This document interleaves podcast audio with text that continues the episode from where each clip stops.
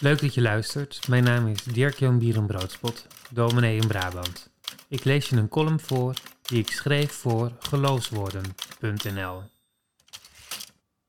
Heilige der Heiligen. Het fijne van gespreksgroepen is dat het soms ineens over totaal wat anders gaat. Zo stelde iemand een beetje out of the blue de vraag of het waar was dat het heilige der heiligen in de tempel een lege ruimte was. Daar werd ik een beetje door overvallen. Ik moest dus even schakelen en ik zocht verwoed in de laadjes van mijn geheugen naar kennis. Nog niet zo lang geleden had ik zoiets gelezen, maar ik weet niet meer precies waar. De schrijver maakte met lichte ironie duidelijk dat het een bizarre tempel was zonder godenbeelden. Men kwam er samen om de leegte te vereren. Nou ja, bracht ik in, de ark van het verbond stond er natuurlijk wel met de tien geboden. Al wist ik even niet meer op te lepelen wat er met de ark gebeurd was in de periode dat de eerste tempel werd verwoest. Dat drama voltrok zich in 586 voor de gewone jaartelling. Ik zoek het thuis op om mijn kennis bij te spijkeren.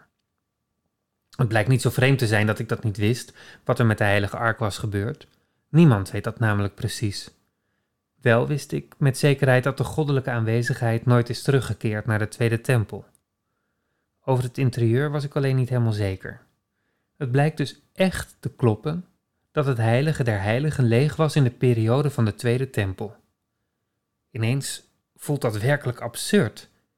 Was dit een knap staaltje van volksverlakkerij of wat was hier gaande? Nog niet zo lang geleden overviel me een moment van geluk. Om de drukte in de stad te ontwijken loop ik samen met mijn echtgenoot door steegjes waar ik nooit eerder was. Ineens sta ik bij een klein parkje. Het is er leeg. Je kunt door een openstaande poort. Nieuwsgierig doe ik dat. Het voelt alsof ik grond betreed waar ik niet thuis hoor. Alsof er andere regels gelden dan in het normale leven. Deze ruimte staat apart van de rest van de stad.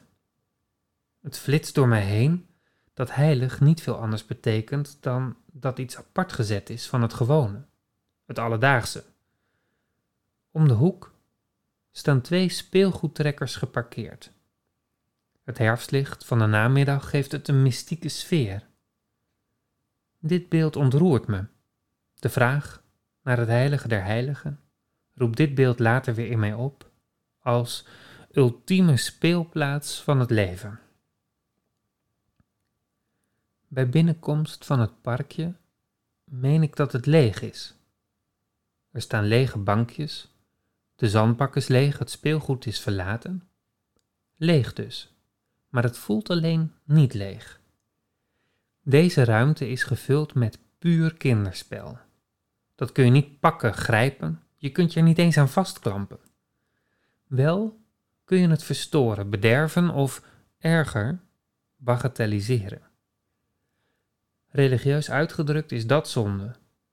Daar, in dat lege parkje, voel ik me even intens gelukkig, vredig en sereen.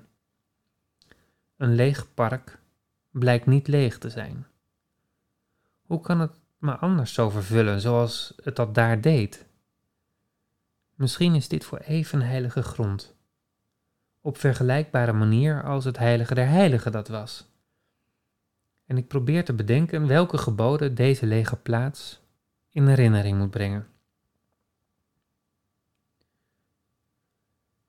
Elk spel vraagt immers om regels. Ik probeer de tien geboden uit Exodus 20 te vertalen naar universele spelregels voor de speeltuin die, al was het maar een ogenblik, een soort heilige der heiligen was. Het zijn voor mij geen geboden van je zult dit en je moet dat, maar adviezen die je helpen om iets te voorkomen. Ik zie ze als adviezen die voorkomen dat je het spel verstoort, bederft of bagatelliseert. Ze maken het leven dus mooier, beter en fijner.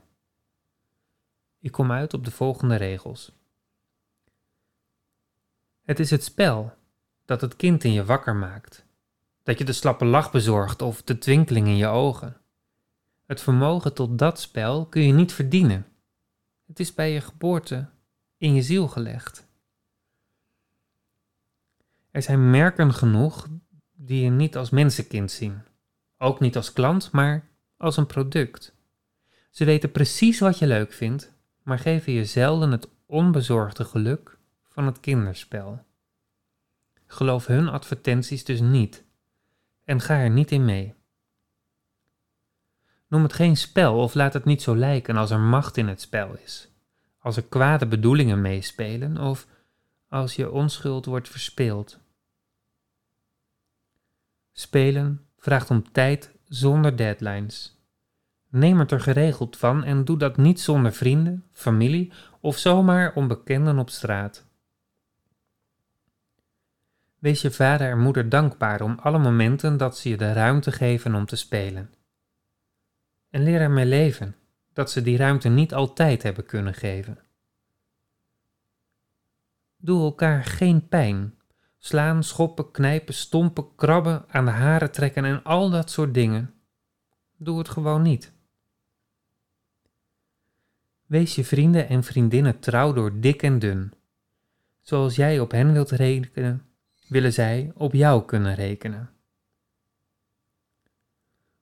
Pak wat van iemand anders is niet af. Wel mag je het misschien lenen, maar eerst even vragen. Dat scheelt ook een hoop ruzie. Klikken, jokken, schelden, liegen en bedriegen, het zorgt voor een hoop ellende. Beter doe je dat dus niet. Wees tevreden met wat je hebt en gun een ander zijn of haar plezier. Door te kijken naar wat je zelf niet hebt, wordt het echt niet leuker. En als er wat te winnen en te verliezen is, bedenk dat het een spelletje is.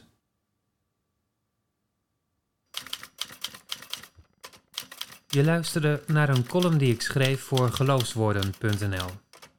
Vond je het de moeite waard? Deel het met anderen.